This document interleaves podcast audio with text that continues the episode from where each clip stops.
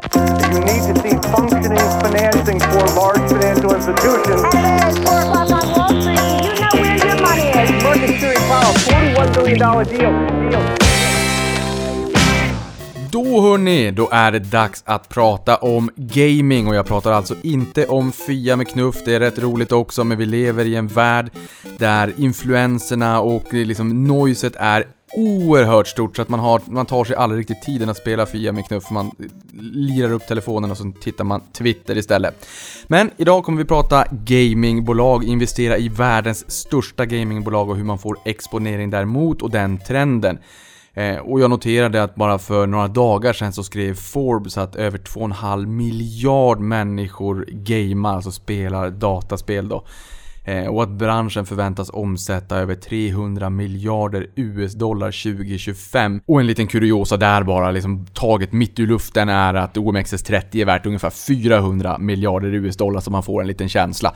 Den här industrin Eh, den växer och den är stor och eh, tillsammans så kan man väl säga som så här att gamingindustrin globalt är större än film och musikindustrin tillsammans. Med mig idag har jag min kollega Olof Andersson som sitter i Team Bob Börsdata och beslutsstöd som inte bara har varit med utan som har varit drivande i att ta fram den här. Jag blir ju liksom bara lite grädde på moset så att jag säger varmt välkommen Olof.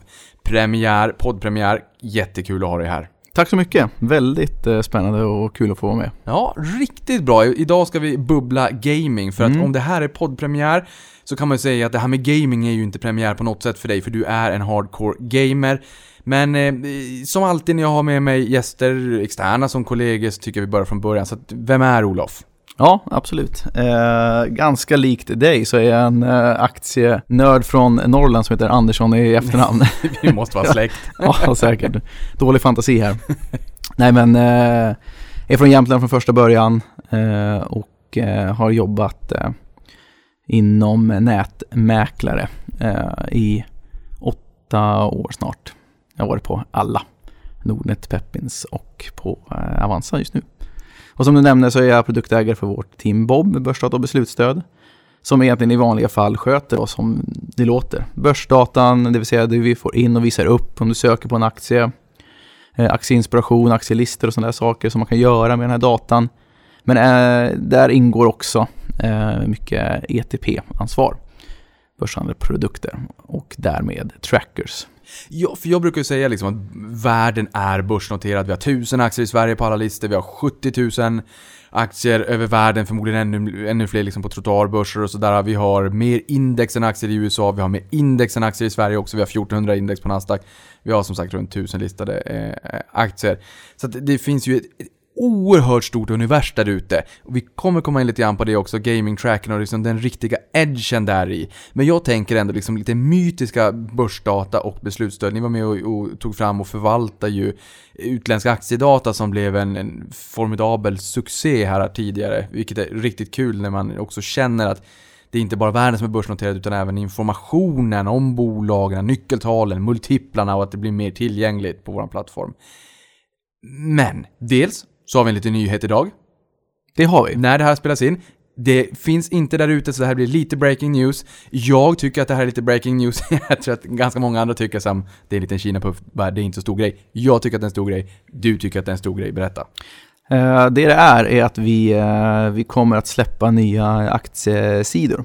eh, Främst till iOS till en början. Och det kommer komma inom väldigt kort. Förhoppningsvis väldigt, eh, väldigt kort. Eh, men jag kan inte säga exakt när. Eh, så att om man vill söka på en gamingaktie på iPhone från ett tag så kan man få mer information och även lite grafinställningar som candlesticks och kunna jämföra med andra gamingbolag. Och det är det här jag tycker är oerhört roligt för att jag använder ju eh, candlesticks, jag tycker att det är kul, jag vill inte ha en linjegraf och varför vill jag inte det? Jo men för att jag vill se liksom lite grann volatiliteten i marknaden under dagen. Eh, lite grann hur, hur börsen har rört sig upp och ner. Den kan ju liksom börja på noll och sen så går den upp jättemycket och sen faller den tillbaka när Trump twittrar och så ser det ut som att ja men där händer ingenting. Det är liksom en plan linje fast det kan ha hänt mycket under dagen. Vi vet att många kommer uppskatta candlesticks i mobilen oerhört mycket. Det är verkligen på väg ut. Kanske när du lyssnar på det här, kanske inte. Vi kan inte säga när det kommer, men väldigt snart. Innan vi kommer in på gaming så vill jag också bara fundera lite grann kring, för du sitter i ett team som gör väldigt mycket roligt för mina lyssnare som är, eh, ja, förlåt om jag kallar det som lyssnar på det här aktienörd, men jag tror att du ändå gillar aktier. Så det här aktiegodiset, kan du bara så här, kan du utveckla någonting lite grann kring vad bubblar? Vad skulle ni kunna göra? Vad skulle ni vilja göra? Vad är liksom mycket av de önskemålen som ni får från oss internt när jag springer och tjatar? Eller, eller, liksom alla våra följare, alla våra kunder där ute. Vad vill man ha? Mm. Det är ju det vi kan eh, göra Eh, är ju, och det är väldigt många frågor efter, det är ju fler nyckeltal till exempel. Eh, är det. Och det kommer att komma extremt många fler skulle jag säga eh, nästa år. Eh, jag kan inte säga något datum för det är inte klart. Eh, ännu, men det kan vi göra. Vi kan väl, göra väldigt mycket sånt. Eh, vi skulle kunna göra bättre screeningfunktioner och lättare att hitta till exempel utdelningsaktier och sådana där saker om man vill ha det. Eller annat. Vi kan göra, alltså Eh, man kan säga så här, med den data vi får, vi, får, vi har en eh, leverantör som heter Millistream som ger oss jättemycket rådata eh, och sen kan vi förädla den och göra lite vad vi vill med. Så att det är bara att höra av er. Men det vi kommer göra främst nästa år är att vi kommer att förbättra de sidor vi har och uppgradera tekniken i det. Det är lite, lite, lite förlegat. Eh, och då kommer det inte gå lika snabbt som vi vill göra fram, framgent. Men när vi har gjort det, när vi har uppgraderat den här tekniken, då kommer det gå superfort att kunna göra saker. Ja, och jag tänker mig också här för att eh, det är nog ganska många som lyssnar på det här som känner liksom, ja men du, jag har en idé, liksom, jag har någonting som jag tycker skulle vara kul att, att tipsa om. Eh, och, och jag tänker mig att många på det här bygget är ju aktiva i sociala medier, vi är ute i, liksom, i det finansiella vimlet med våra kunder och tar in mycket input därifrån. Så för de som vill skicka lite förslag direkt till dig, tagga in, skriva, hur hittar man dig? Eh, man hittar mest lättast på Twitter skulle jag säga. Eh, det heter Olof eh, Andersson. Det är egentligen Olof understreck understreck Andersson. För det. Mhm. jag tror det behövdes två för att det fanns redan någon som hette Olof Andersson. Det är för att du heter Andersson. Mm. Låt oss gå in på, ehm, på dagens tema. Vi tänkte prata lite grann om gaming, gaming-tracken och liksom upprinnelsen egentligen till eh, varför, eller hur vi kunde lansera den här produkten. Jag vill också säga att jag har tidigare poddat med våran kollega Arvid som eh, numera faktiskt inte längre är med oss, ah, utan han sitter på andra sidan hos Morgan Stanley i London.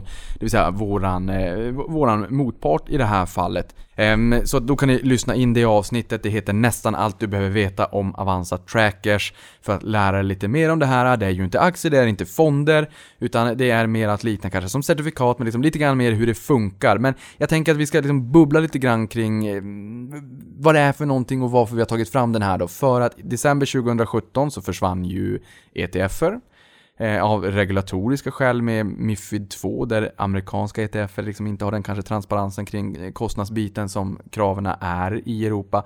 Därför försvann de. 17, 19 december så tog vi bort 3000 ETF på vår sajt och där har man ju sagt liksom att eh, under alla de här åren att man vill ha tillbaka de där. Och vi vill ta fram ett substitut eller komplement. Det har vi gjort nu. Så att, eh, berätta lite grann, upprinnelsen till gamingtracken, vars, vars började det? Ja, absolut. Det, det man kan lägga till där är att en fördel med eh, trackerserna eh, är att de är väldigt, för oss, flexibla att skapa. Ska du ha en ETF, då måste du ha, du måste ha en styrelse, det är väldigt mycket mer som ska göras. Eh, du behöver en extremt mycket högre AOM för att ens gå break-even, eh, vilket gör att det är inte lika lätt att vara eh, flexibel. Med trackers har du inte den eh, Det är som ett certifikat, certifikat precis som du säger. Eh, så det är inte lika höga krav, vilket gör att vi kan göra fler om vi vill. Och det som är bra då är att vi kan bestämma. Som det funkar idag på Avanza, vårt samarbete med Morgan Stanley, att det finns en, eller vi använder oss av en tysk indexskapare som heter Solactive. Som eh, skapar index på, eh, på man kan säga, önskemål, eh, betalda önskemål från, eh, från kunder. Eh, och sen eh, så får man eh, använda dem. Vissa får man inte använda av legala skäl och vissa får man använda. Så till exempel ni som lyssnar här, om, om ni går in på Solactives hemsida och kollar på indexen där, ja, hittar ni ett index ni verkar tycka är jätteintressant så finns det ju en möjlighet för oss att skapa en tracker på det.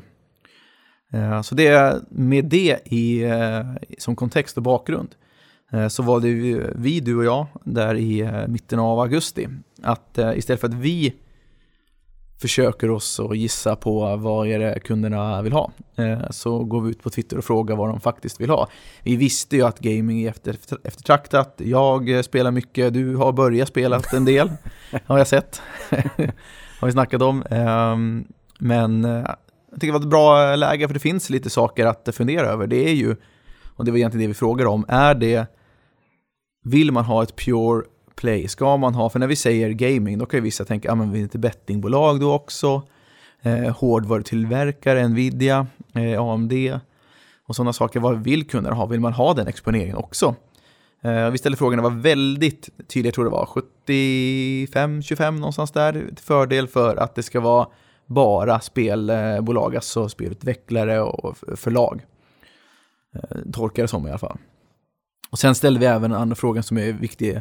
Vill man ha ett likaviktat index eller ett eh, ja, börs eh, marknadsvärdesviktat? Som nästan majoriteten är. Nästan alla index idag eh, har ju den vikten av förklarliga skäl, men det är väldigt trevligt att ha ett komplement. Jag tror att det fanns en amerikansk ETF som hade lika viktat också. Jag kan ha fel här. Eh, men jag har för mig att det fanns det. Men den som du säger, det går inte att handla ändå eh, på grund av Mifid 2. Eh, så att när vi hade fått de svaren så började vi då diskutera med både Morgan Stanley, vår samarbetspartner, och med Solactive om hur får vi till det här. Och då fanns det olika varianter. Det man kan göra är att helt enkelt bara göra en korg. Eh, Och det började ju du och jag med att vi kollade själva upp vilka är de största eh, bo- bolagen som vi ändå tycker faller inom de här ramarna. Eh, och sen, jag tror att vi tog 25 eller 30 största någonstans där. Eh, och eh, fick då tillbaka en eh, backtrack, eh, backtrackat indexutveckling eh, som var superbra. Eh, men där föll det ganska mycket på att den där var ju statisk. Eh, de 30 bolagen är de som kommer vara. Eh, och säg då att det blir en, ja, en Starbreeze eller något liknande, att den går ner väldigt mycket. Eh, värsta fall eh, går i konkurs. Ja, säg att den går i konkurs, då försvinner ju bolaget från eh, korgen, men du får inte lägga in någon ny. Så att, vad är den där trackern om tio år? Man har ingen aning. Eh, så att vi valde ju att nej, det där var ingen, det där var ingen bra idé. Utan vi behöver en regelbaserad, eh, dynamisk eh, tracker. Och det var då det blev lite, lite svårare. Eh, blev det.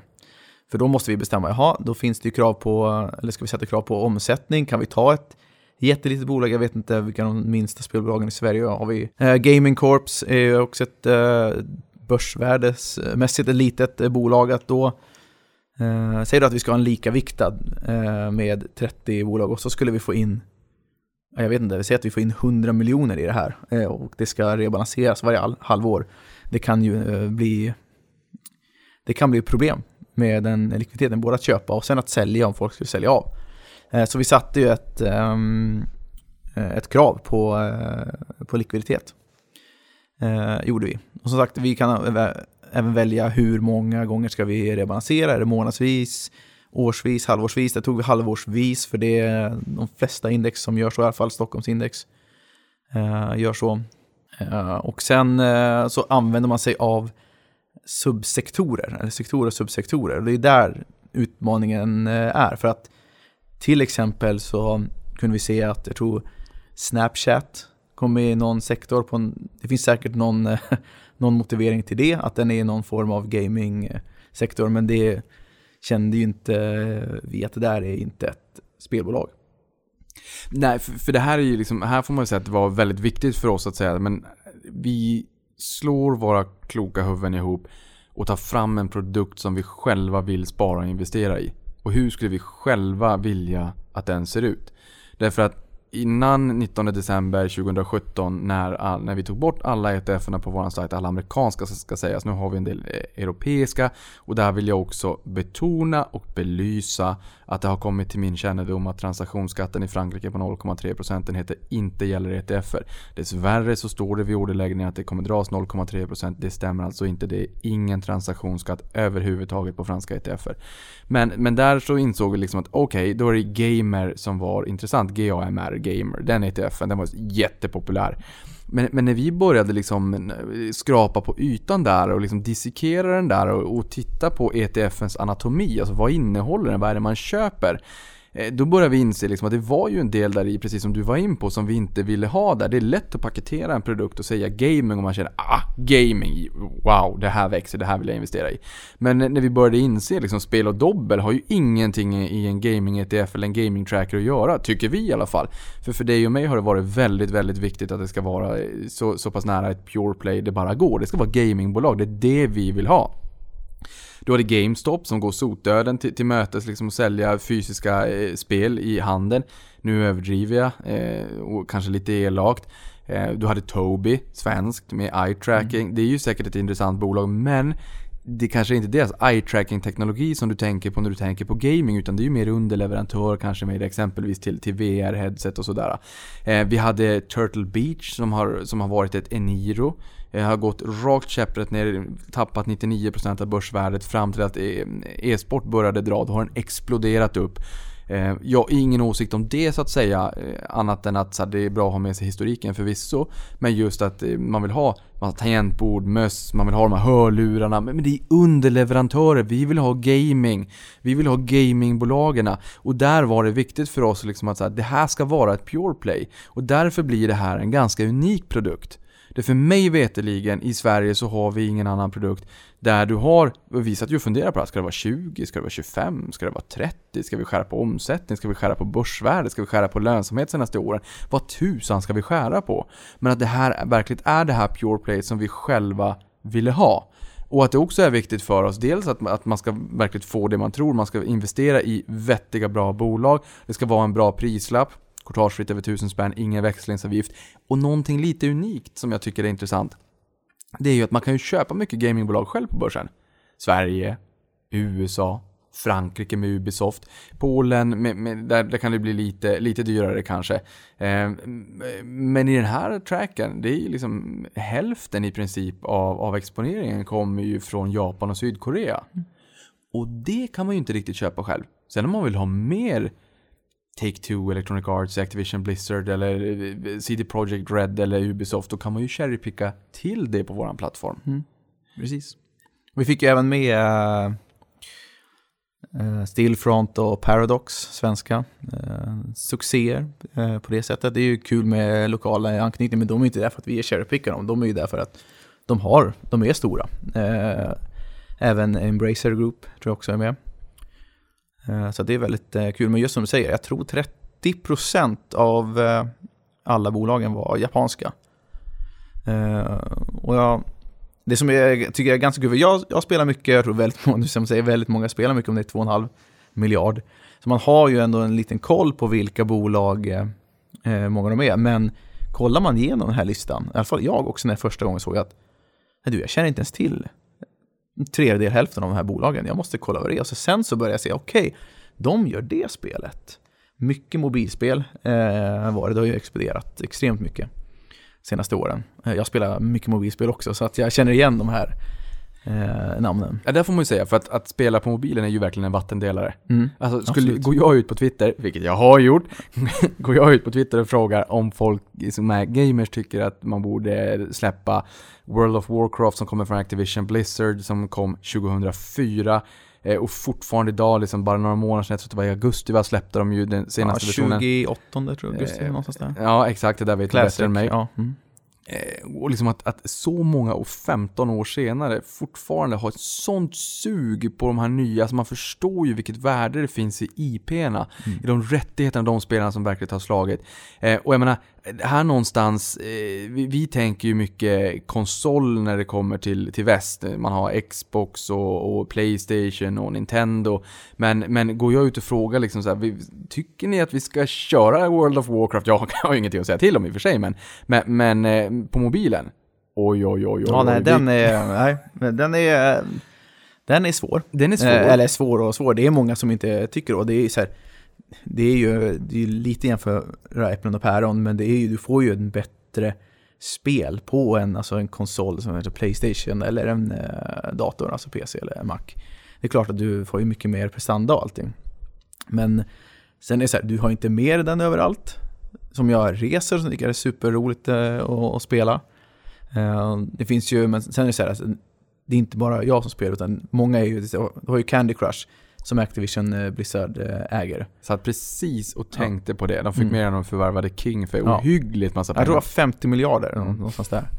Eh, och det kan man säga, ja det kan man skratta åt som om man säger att de är hardcore gamer men Skulle du spela det på konsol? Nej men det tror jag aldrig jag skulle göra. Jag tror inte det finns en chans att jag skulle göra det faktiskt. Eh, det finns nog ingen Jag skulle inte spela på mobil heller, men absolut. Du var En- tvungen att lägga en disclaimer där. Ja, än mindre på... Eh, alltså inte för att det är dåligt. Ja, just det där spelet tycker jag väl inte är så appealing eh, till mig.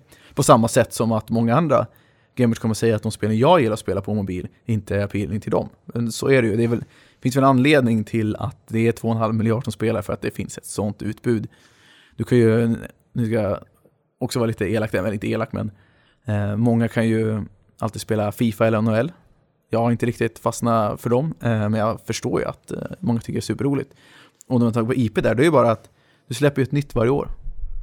Ja, nu är nästa säsong, nya spelare, spelarnamn och allting. Så att den, eh, och den är ju rätt intressant för att vi hade, jag hade ju förmånen att eh, besöka Electronic Arts i 2017 när vi Mm. var på en investerarresa och, finanschefen.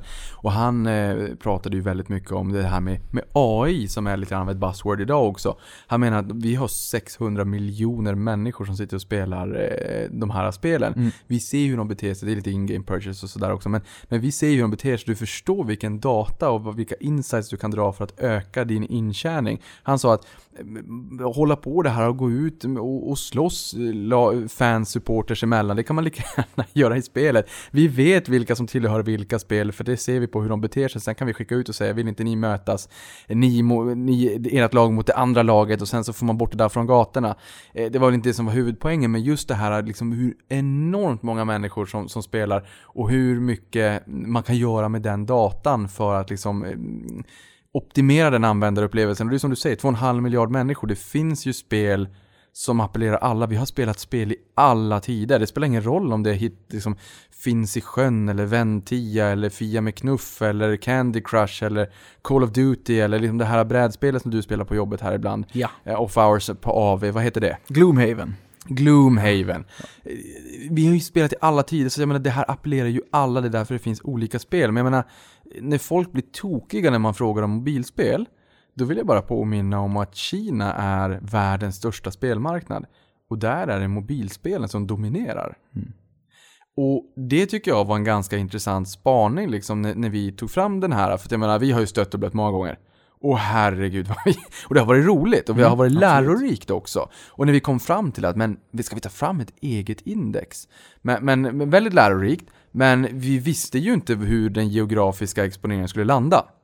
Och, och jag måste säga, du har ett bra sifferminne. Därför att du sa ju Japan ligger runt 30%. 31,37% Japan, 17,4% Sydkorea, 12% USA, 10% Kina, 10% Taiwan. Sverige kommer på 9,6, Polen 3,49 och Finland 2,92. Så att jag menar, det man får här också, det är ju den eh, exotiska delen av världen som är väldigt, väldigt svår att komma åt i vanliga fall. Eh, till en oerhört vettig prislapp, men, men många namn som man liksom aldrig kanske hört talas om. Vissa kanske känner till titlarna. Men det finns världen, man kan inte bara titta på vad som funkar i Sverige. Eh, och på de med så GTA och Fifa och NHL och Red Dead Redemption och de är väl rätt så blockbusters globalt också. Men, men min takeaway är att det finns så mycket spel där ute som man inte känner till. Du är hardcore gamer, du kanske känner till det på ett annat sätt. Men man blir ändå förvånad för det, det här är de 30 största bolagen i världen. Ja, absolut. Eh, jag kan ta som ett exempel var ju Jag tror faktiskt det var du, det har inte riktigt med det här men du la ut för ett tag sedan när det var de spel någon månad eh, som hade omsatt mest tror jag i hela världen.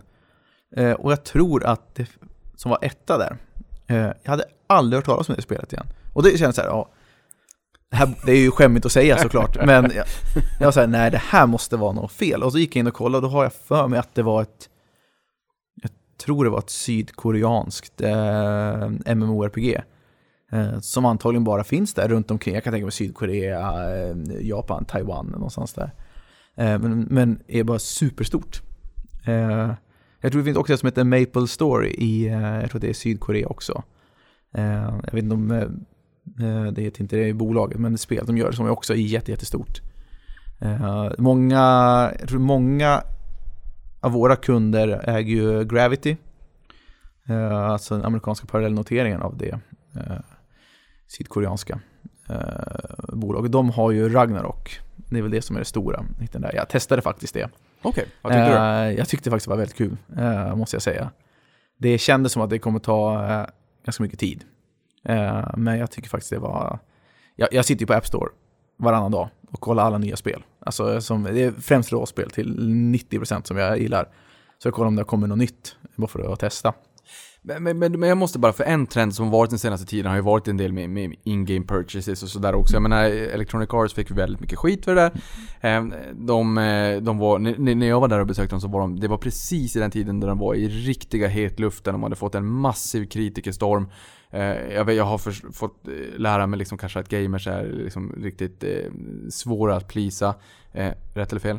Ja, alltså det är det, det, är det stora handlar om, eller säger jag, eh, som inte är någon jätteexpert. Eh, det är ju microtransactions, mikrotransaktioner som är eh, väldigt eh, omtalat. Och det kan finnas bra och det kan finnas eh, dåliga. Eh, om man säger så här, de som har lyckats bra med det här tycker jag, det är ju Riot Games i, som äger League of Legends. Eh, för att majoriteten av de pengarna de tjänar eh, är inte alltså pay to win microtransactions. Utan det du betalar för är ju oftast skins. Jag spelar den här karaktären, eh, jag tycker han ser ganska normal ut, han ser ut som alla andra. Nej, det vill jag inte. Jag betalar 100 spänn för att få eh, att han ser lite annorlunda ut. Eh, jag har spenderat en del pengar på det Ja, här. för det var en fråga jag Ja. hade liksom. Hur, Ja. hur så här, i och med att du spelar en del, Mm. eh, handlar du liksom mycket? Eller är du en sån här, free to play har ju Nej. blivit lite, lite poppis med PubG och Fortnite och sådär. Eh, nu även med Call of Duty Mobile eh, i mobilen. Men, men hur, liksom, hur mycket spenderar du? Ja, eh, det är en bra fråga. Eh, det finns, och nu återigen här är jag inte någon expert, det här är bara vad man snappat upp när man har eh, läst mycket, att det finns ju någonting som heter kallas för whale, alltså valar. Det är de som spenderar jättemycket pengar.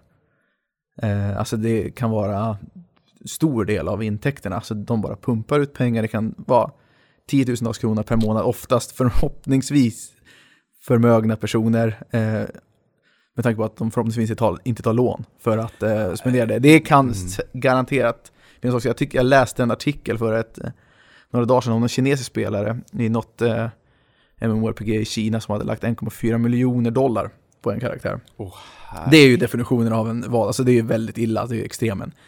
Eh, om, man inte, något, om man inte är sponsrad, jag tänker bara så att det inte så blir kan det vara. en, en, ett tragiskt livsöde. Nej. Eh, Utan, Eller bara någon eh, super eh, kinesisk miljardär, jag har ingen aning. Eh, men eh, sen finns det ju, eh, Dolphins. Som, Okej. Ja, inte Wales. Som, ja, men jag plöjer in, de plöjer en del liksom. Eh, inte, absolut inte lika mycket. Jag skulle säga att jag spenderar kanske med mina oftast Playstation-köp och andra kanske 800 kronor i månaden i snitt. Någonstans där. Jag, jag tänkte nästan säga att du är en snorgärs, men, men det kan jag inte göra. 800 spänn i månaden. Alltså du är ju liksom en, du är en, en, en, en tonårsgädda. Ja. ja, men alltså men- 800 spänn, Olof, 800 spänn i månaden, det är ganska mycket. Är det inte det? Jag tänkte säga att det var ganska lite, men... nej, nej. Nej men alltså, vet du vad, tänk dig så här, tänk om ett nytt spel eh, kommer som Red Dead, Red Dead Redemption eller liknande, och kanske kostar 600-700 kronor bara där. Ja, Okej, men jag tänkte det var 800 spänn in-game purchases. Jaha, nej, nej, nej, jaha, sorry, sorry. Eh, nej, nej, i- inte 800 kronor i månaden. Säg att det kanske är, ja men det, jag skulle säga 200 kronor kanske. Ja, men då är du en Någonstans snorgärs. där. Ja, men det, det, är ett form- det, det är ju, för de har gjort det här så himla bra att det är så lätt. Det är, en, det är en 20 kronor där, det är 30 kronor dit. Och så sitter man på en söndagkväll och kollar någon film eller någonting, så ah, jag behöver lite energi till. Och så sen så, whoops, vad händer där i slutet av månaden om man kollar? det är ganska mycket. Men alltså känner du, för, för jag tänker ju så här då att om man har lagt lite pengar på en plattform, alldeles oavsett om det är 50 spänn eller 200 eller vad det än är, att, att det liksom skapar en, en lite mera stickiness. Ja, absolut. För det där finns ju kvar över tid liksom. Ja. Känner, känner du att, ja men nu spelar du ganska mycket alldeles oavsett, men, men, men känner du att de spelarna som du lägger lite pengar på, inte bara när du köper dem utan även i spelen med skins och sådär, får de en längre duration i, i din värld? Spelar du dem längre Mm. för att du har lagt pengar på det, eller är det liksom så här du spelar lika länge som det har varit spel som du inte lägger nå pengar på alls?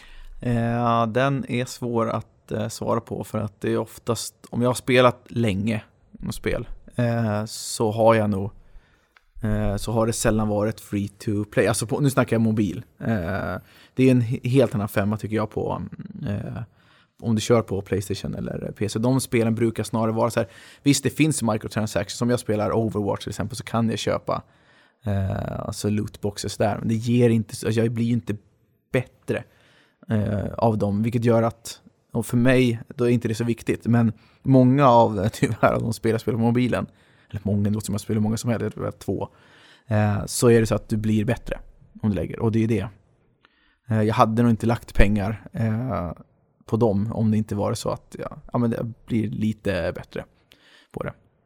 Det känns ju, det känns ju tragiskt att säga att jag är så svag, men, men det, är, det är så lätt. Och det är nog inte bara jag här i världen som eh, gör så. Annars skulle det inte vara en affärsmodell över hela världen. Nej men alltså, och det är därför jag tycker att det här är väldigt intressant. Jag menar, jag pr- pratade med em, en, en analytiker på en av, en av fondbolagen eh, som pratade om eh, ett av spelbolagen. I det här fallet så pratade han om en, Embracer då. Och det, det, det, takeawayen därifrån, en av takeawaysen var liksom när man pratade om Tyskland eh, och man förvärvade Koch, eh, Koch Media. Eh, och det är att tyskarna är galna i, för det första så har de inte vett att betala eh, med kort. Eh, utan det är kontanter som gäller. Jag förbannar Tyskland för det. Det händer mycket där nu. Jag pratade med eh, TF Bank, gästade mig. De kommer in med kreditkort i Norge och Tyskland. Och jag sa hur kan ni göra det? För tyskarna är tokiga i kontanter. Det, det börjar så sakteligen digitaliseras även i Tyskland. Tack för det. Men det jag tog med mig från den här analytikern då, eh, som pratade om Embracer var att i Tyskland är man tokig alltså när det kommer till fysiska spel.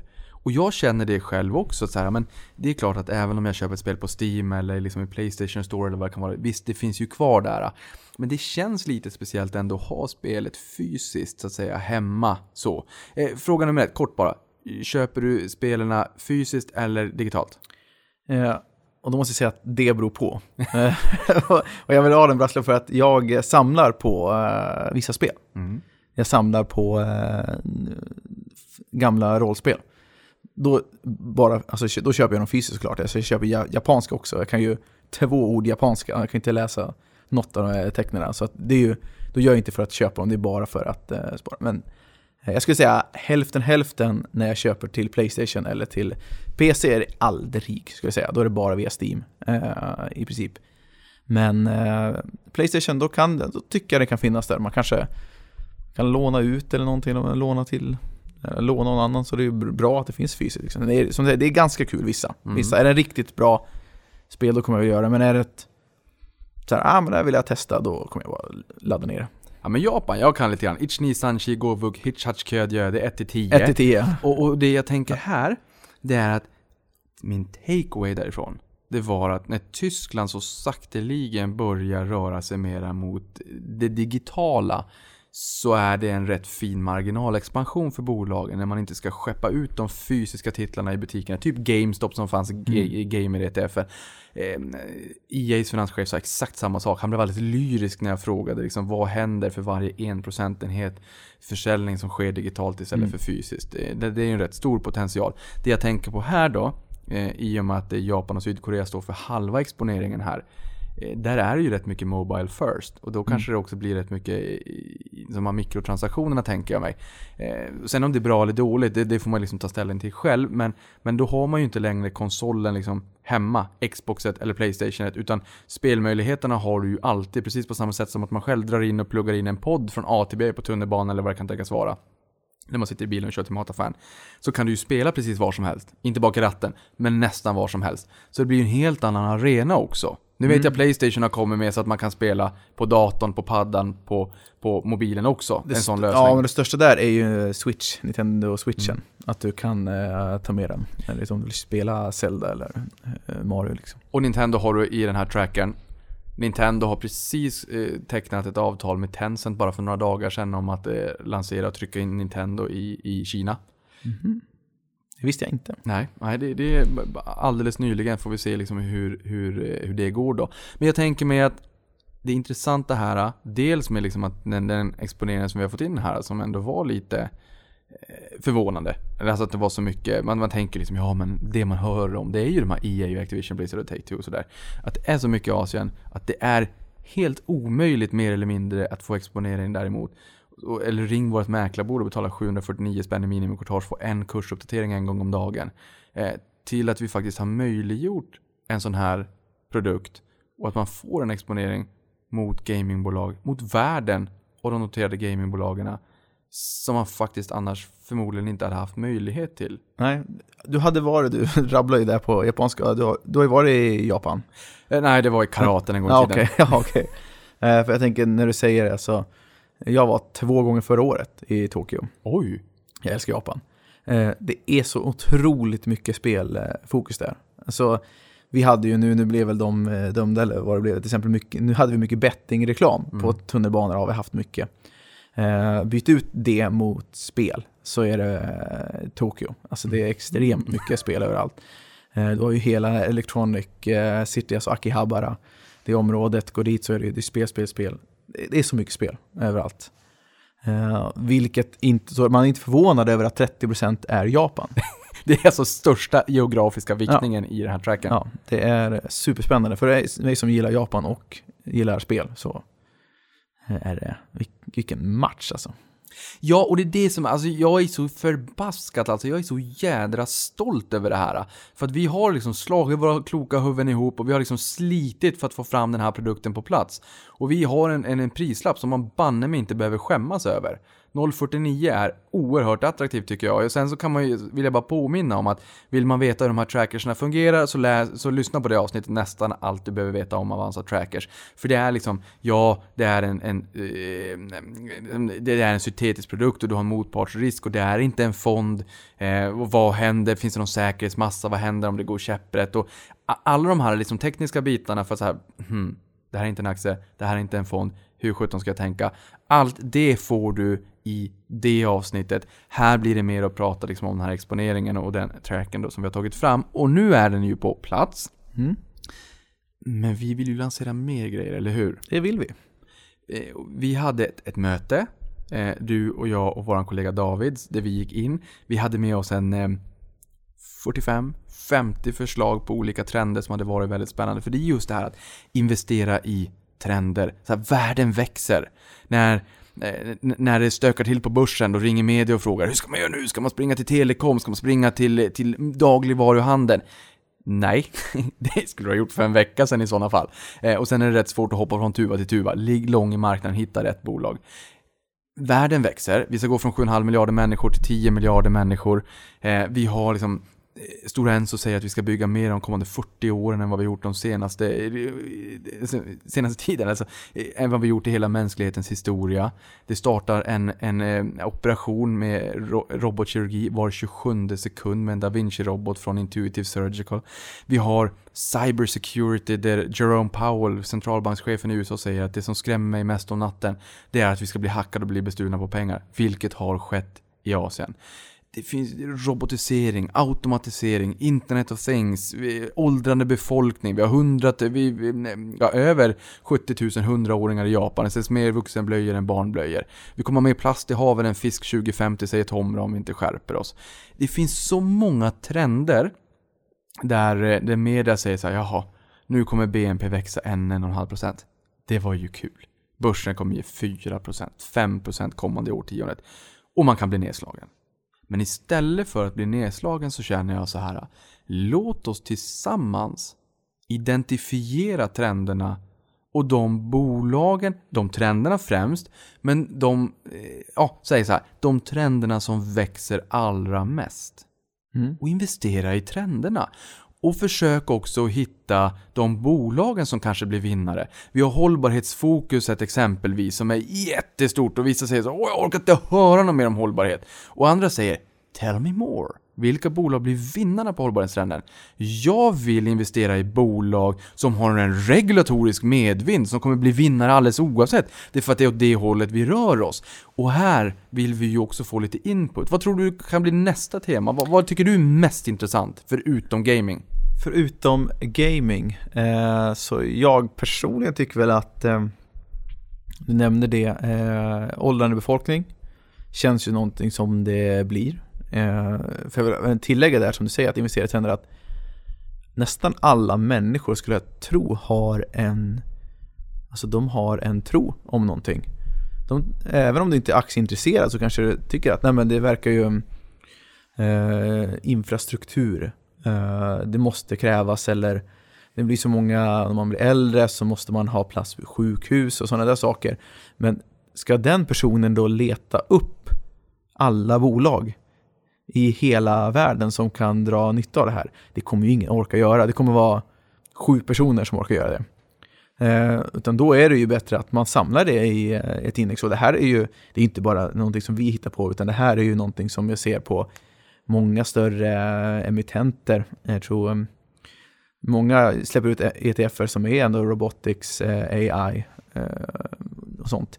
Jag skulle tro cybersecurity, eh, det är väldigt intressant. Åldrande befolkning tror jag också är väldigt intressant. Men sen också, som du var inne på, hållbarhet Alltså. Eh, vatten, eh, alltså clean energy, eh, mycket sånt. Det är min, det är min ren och skär icke-kvalificerad gissning om man får vara, vara sån. Men det är vad jag skulle tro är intressant. Ja, och skulle det vara så att ja, men du som lyssnar på det här känner så här, ja men absolut, hållbarhet, definitivt, tumme upp, eller eh, vatten. Ja men då kommer vi ju sitta och fundera lite grann hemma på våran kammare, för det här är ingen produkt där vi bara tar någonting och bara skjuter ut, vilket jag kan tycka att jag blev lite besviken när jag tittade på, på gamer-ETFen och kände så här. Här har man liksom tokrusat i den här för att man tyckte att gaming har varit en spännande trend. Och sen har man inte riktigt eh, skrapat på ytan och tittat på vad det är man får i den där. För att det var mycket som, som vi eh, helt ärligt inte ville ha med. Så det är alltså en förbättrad med i det här PurePlay. Det ska vara, är det en gaming tracker då ska det vara gamingbolag. Punkt slut. Eh, så, så gott det går. Eh, och, och jag menar här kommer vi, ta vatten som exempel. Då, ja, men då funderar man lite grann på, okej. Okay, vilka bolag blir vinnarna på det då? Och, och, och, vi har ju liksom ingen facit, vi har ju ingen spåkula. Men antingen kan det vara utilitiesbolagen som kanske äger infrastrukturen, har någon form av monopol på, på infrastrukturen, vattenförsörjningen, men som också kanske då är börsnoterat. Eller så kanske det är de här bolagen med cutting edge, eh, cut, cutting edge technology som, som eh, har tagit fram något nytt, något smart sätt att kanske kunna erbjuda rent vatten i tredje världen. Som, man måste liksom fundera på vilka blir vinnarna på den här trenden. I USA var vi på Blackrock och frågade liksom, jaha men hållbarhet då, vilka blir vinnarna? Och då pratade hon i fem minuter och så skrattade hon och sa att det här var ett fem, en fem minuters utsvävning bara för att inte svara på din fråga. För att de då inte kunde göra det, kanske inte fick. Men, men vi pratade solenergi. Men det är jättebra. Solenergi är, så här, solenergi är billigare än, än, än, kärnkraft och kolkraft globalt och det är inte alla som vet det. Men solen lyser inte alltid. Ja, men då behöver lite energilagring, batterila batterilagring. Eh, 3% av global output eh, när det kommer till elektricitet lagras i batterier. Där har vi en spännande trend. Men då frågar vi liksom så här, vilka blir vinnarna då? För att priset på de här solcellerna har ju liksom eh, kollapsat med 90% vilket är bra för mänskligheten, planeten och sådär. Men det är ju inte hårdvarutillverkarna som har blivit vinnare. Deras produktionskostnad kanske har sjunkit men liksom priset har sjunkit ännu mer. Ja, det kunde de ju inte svara på. Så det gäller ju att försöka ta fram, så här, även om man identifierar en trend, så här, vilka blir vinnarna på trenden? Och vad är det vi vill ha? Är det vi- de, de största bolagen, de mest lönsamma bolagen, de som har störst försäljningsökning eller de bolagen som lägger störst del av omsättningen på R&D eller forskning och utveckling? Och där kan ni liksom vara med och tipsa oss. Vad tycker ni? Vad tycker ni är spännande trender? Och hur tycker ni att vi ska skära på det här? Så kan vi göra så gott vi kan. För det var liksom en sak, den här gaming-trackern, vi har ju faktiskt tagit fram den i samråd med våra följare på Twitter. Och där förstod vi ju att en, liksom en lika viktning, att alla, alla människor är lika värda. Ja, det gäller ju, men alla bolag är ju inte lika värda. OMXS30 är värdeviktat, Atlas Copco är störst och man lever på en badbild från 1980. Liksom. Eh, de största bolagen OMX30 är liksom 1800 kallt. Eh, I USA är det 1989, vill jag minnas, de fem största. Så, och där är det mera mjukvara teknologi. Så här vill vi liksom försöka ta fram, men, så här, vad blir rätt skärning helt enkelt? Vad tycker ni är mest rättvist? Så där får ni tipsa oss. Absolut. Det är, det är ju ni kunder som tar fram det här. Det är inte att jag och Niklas ska sitta och vara smarta. Nej, exakt. Och det, det är ju en utmaning. Ja, verkligen. Ibland får man känna sig smart. Men, men jag tänker så här, att den här tracken kan man ju handla på vår hemsida. Det är 0,49% i löpande avgift och sen så har vi ju en, en spread också. Och jag tänker mig för att eh, det, det, är ju inte en aktie, aktier har ju en spread också. Ehm, men men eh, vad, hur, hur, hur ska man tänka kring spreaden? Vad är det för någonting? Spreaden är skillnaden mellan köp och sälj i kursen. Till exempel om du går på en mikrosekund och köper och säljer direkt eh, så är det vad det kommer kosta eh, i princip. Den är 0,2% eh, på gaming-tracken. Så att det är någonting man får, får ha med sig. Att det här ska ju, den här ska ju du ta igen på, på avkastningen. Så att om, även om du säger, skulle göra, under dagen så gör jag 0,15% innan, innan spreaden så har du ju ändå förlorat eh, pengar eh, på så sätt. Men eh, alltså tänka så här, ju längre du håller desto bättre blir det ju. Så det, här är, det här är ju ingenting som du sitter och tok-tradar i. Nej, och jag menar, för, det här är ju också så att jag menar, köper du en aktie och äger den långsiktigt så tänker du aldrig någonsin på spreaden även fast den finns där. Mm. Och jag menar, det här är ju ett sätt för det, visst man kan trada men det är också ett sätt att faktiskt investera i en trend som man tror på att då äga det lite långsiktigt. För säg att en aktie, eh, köpsidan står i 99, säljsidan står i 101, senast betalt till 100. Ja men om du då står på 99 kronor och tänker att jag skulle vilja, jag står med köparna på 99 först i kön liksom. Och så tänker du, så klockan är 17.15, snart stänger börsen. Jag vill verkligen ha den här eh, klipper du säljsidan på 101.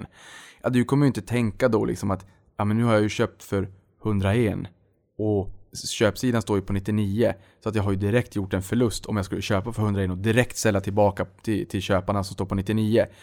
Så tänker man ju inte. Nej. Men, men visst, absolut, man ska inte underskatta spreaden. Men jag tycker att den är ju naturlig. Den finns både på aktier och den finns på, på trackers. Absolut. Så att vi redovisar att den finns där, men sannolikheten att man, man köper och sen säljer direkt så... Och jag, när jag köpte den då fick jag spreaden på 0,09%. Det är en engångskostnad, jag bryr mig inte. Det jag däremot bryr mig om, det var när vi var på den här investerarresan, skulle tillbaka, var på flygplatsen. Och det fanns ett växlingskontor. Det här är en kort liten utsvävning. Då gick jag fram till växlingskontoret och frågade Hello!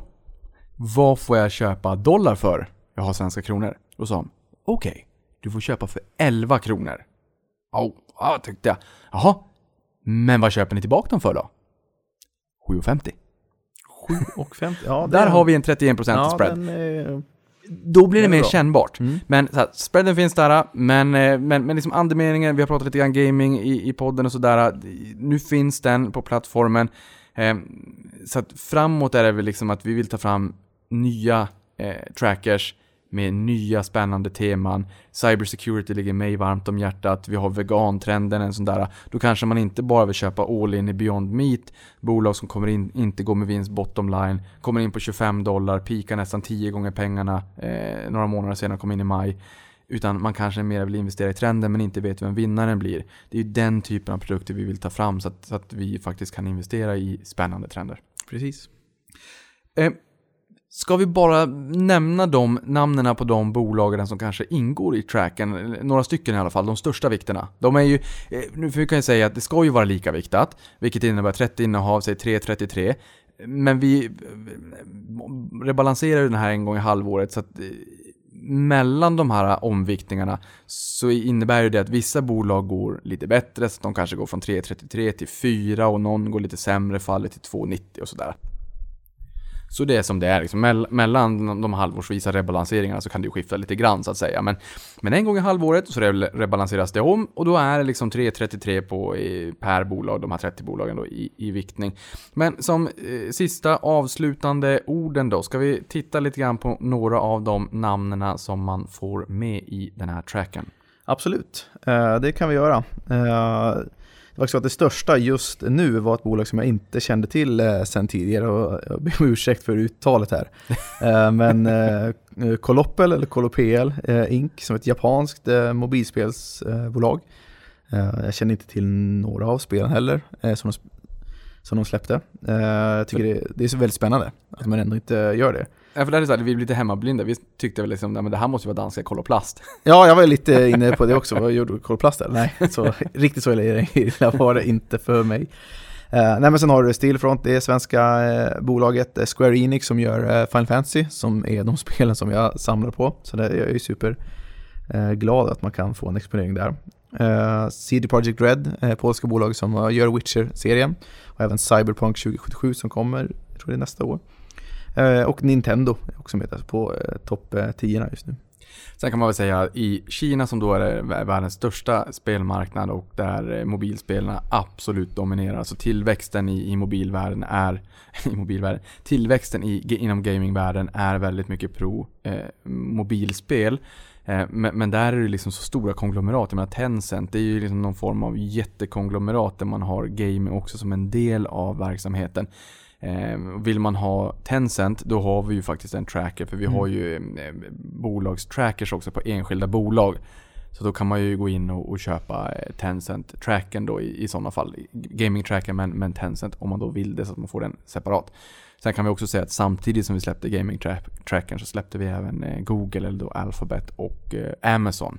Amazon kostar ju 18 000 att köpa så att jag menar vill man handla den, då har vi ju en, en tracker nu där det är 10 svenska kronor det kostar och 0,10% i, i löpande avgift. 0,10 då.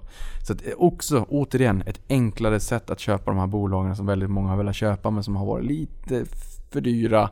Inte värderingsmässigt utan aktieprismässigt. Ehm, så det här kan vi göra och det är ju ditt eh, team Bob som ansvarar lite grann för det här. Så oavsett om det är single stocks, vart i världen den är, eller om det är spännande trender, eh, råvaror kommer att komma lite mer av. Eller om det är olika index, man vill ha DAX eller FTSE eller S&P 500 eller Dow Jones. Man, det här kan man få idag, det finns redan på plats. Eh, antingen inom trackers eller ETFer. Men, men är det någonting man vill ha, då är det ju till dig man, eh, man får höra av sig och säga skulle ni inte kunna ta fram det här? Och sist men inte minst, då är det ju i sådana fall eh, på Twitter som är det absolut bästa. Olof underline underline Andersson så hittar ni eh, dig då. Mm, absolut. Så med de orden får vi väl säga tack för att du lyssnade på det här och vi hoppas att det har varit givande helt enkelt. Ja, jättetack.